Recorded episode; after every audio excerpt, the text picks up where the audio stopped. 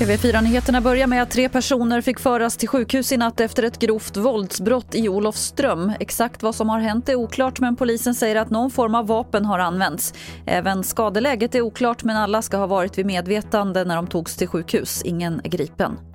En man vårdas på sjukhus efter ett mordförsök i bostadsområdet Söderkulla i Malmö igår kväll.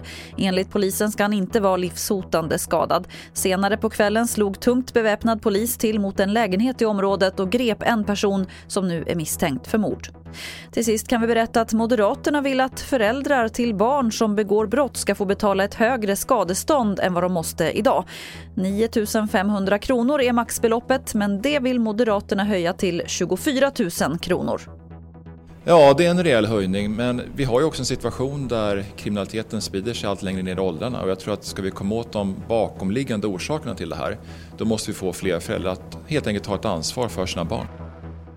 Det sa Johan Forsell som är rättspolitisk talesperson för Moderaterna. Och det var det senaste från TV4 Nyheterna. Jag heter Lotta Wall.